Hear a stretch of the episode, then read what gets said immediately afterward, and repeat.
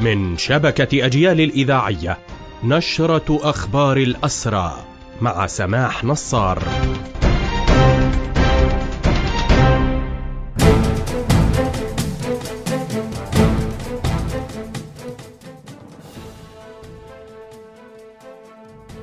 أهلا ومرحبا بكم إلى هذا اللقاء كل عام وأسرانا إلى الحرية أقرب بمناسبة ذكرى المولد النبوي الشريف.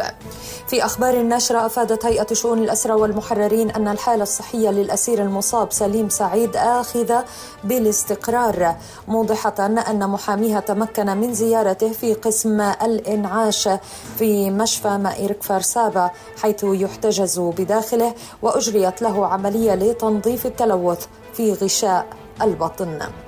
ونواصل أيضا عن تفاصيل الوضع الصحي للأسير نور الدين داود وما نشرته هيئة الأسرى بهذا الخصوص مشيرة إلى أن محاميها زار الأسير داود وهو من قلقيلية الأسير فاد المحامي فادي عبيدات أشار إلى أن الأسير يعاني منذ عام 2003 من فقدانه معظم أسنانه بسبب الضرب الشديد.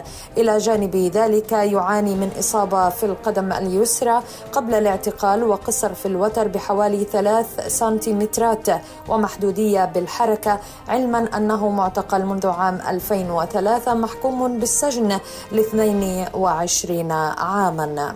وأخيرا في أخبار هذه النشرة عائلة الأسير المريض بالسرطان عاصف الرفاعي احتفلت يوم أمس بذكرى ميلاده الحادي والعشرين في مقر الصليب الأحمر الدولي خلال الوقفة الأسبوعية.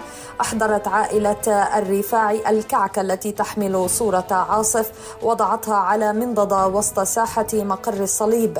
التف حولها اشقائه ووالده وعدد من أهالي مسقط رأسه بلدة كفرعين شمال غرب. غرب رام الله. والده وجه للأسير الرفاعي رسالة قال فيها إن العائلة قررت إضافة لمسة إنسانية ولو رمزية في عيد ميلاد الأسير وهو ذات اليوم الذي اعتقل فيه. هذه اللفتة لإيصال رسالة لعاصف بأنه حاضر مع العائلة رغم الغياب في الأسر. بهذا مستمعينا تنتهي هذه النشرة الخاصة بأخبار الحركة الأسيرة قدمناها لحضراتكم من راديو أجيال. تحية الحرية لأسر الحرية وتحياتي سماح نصار.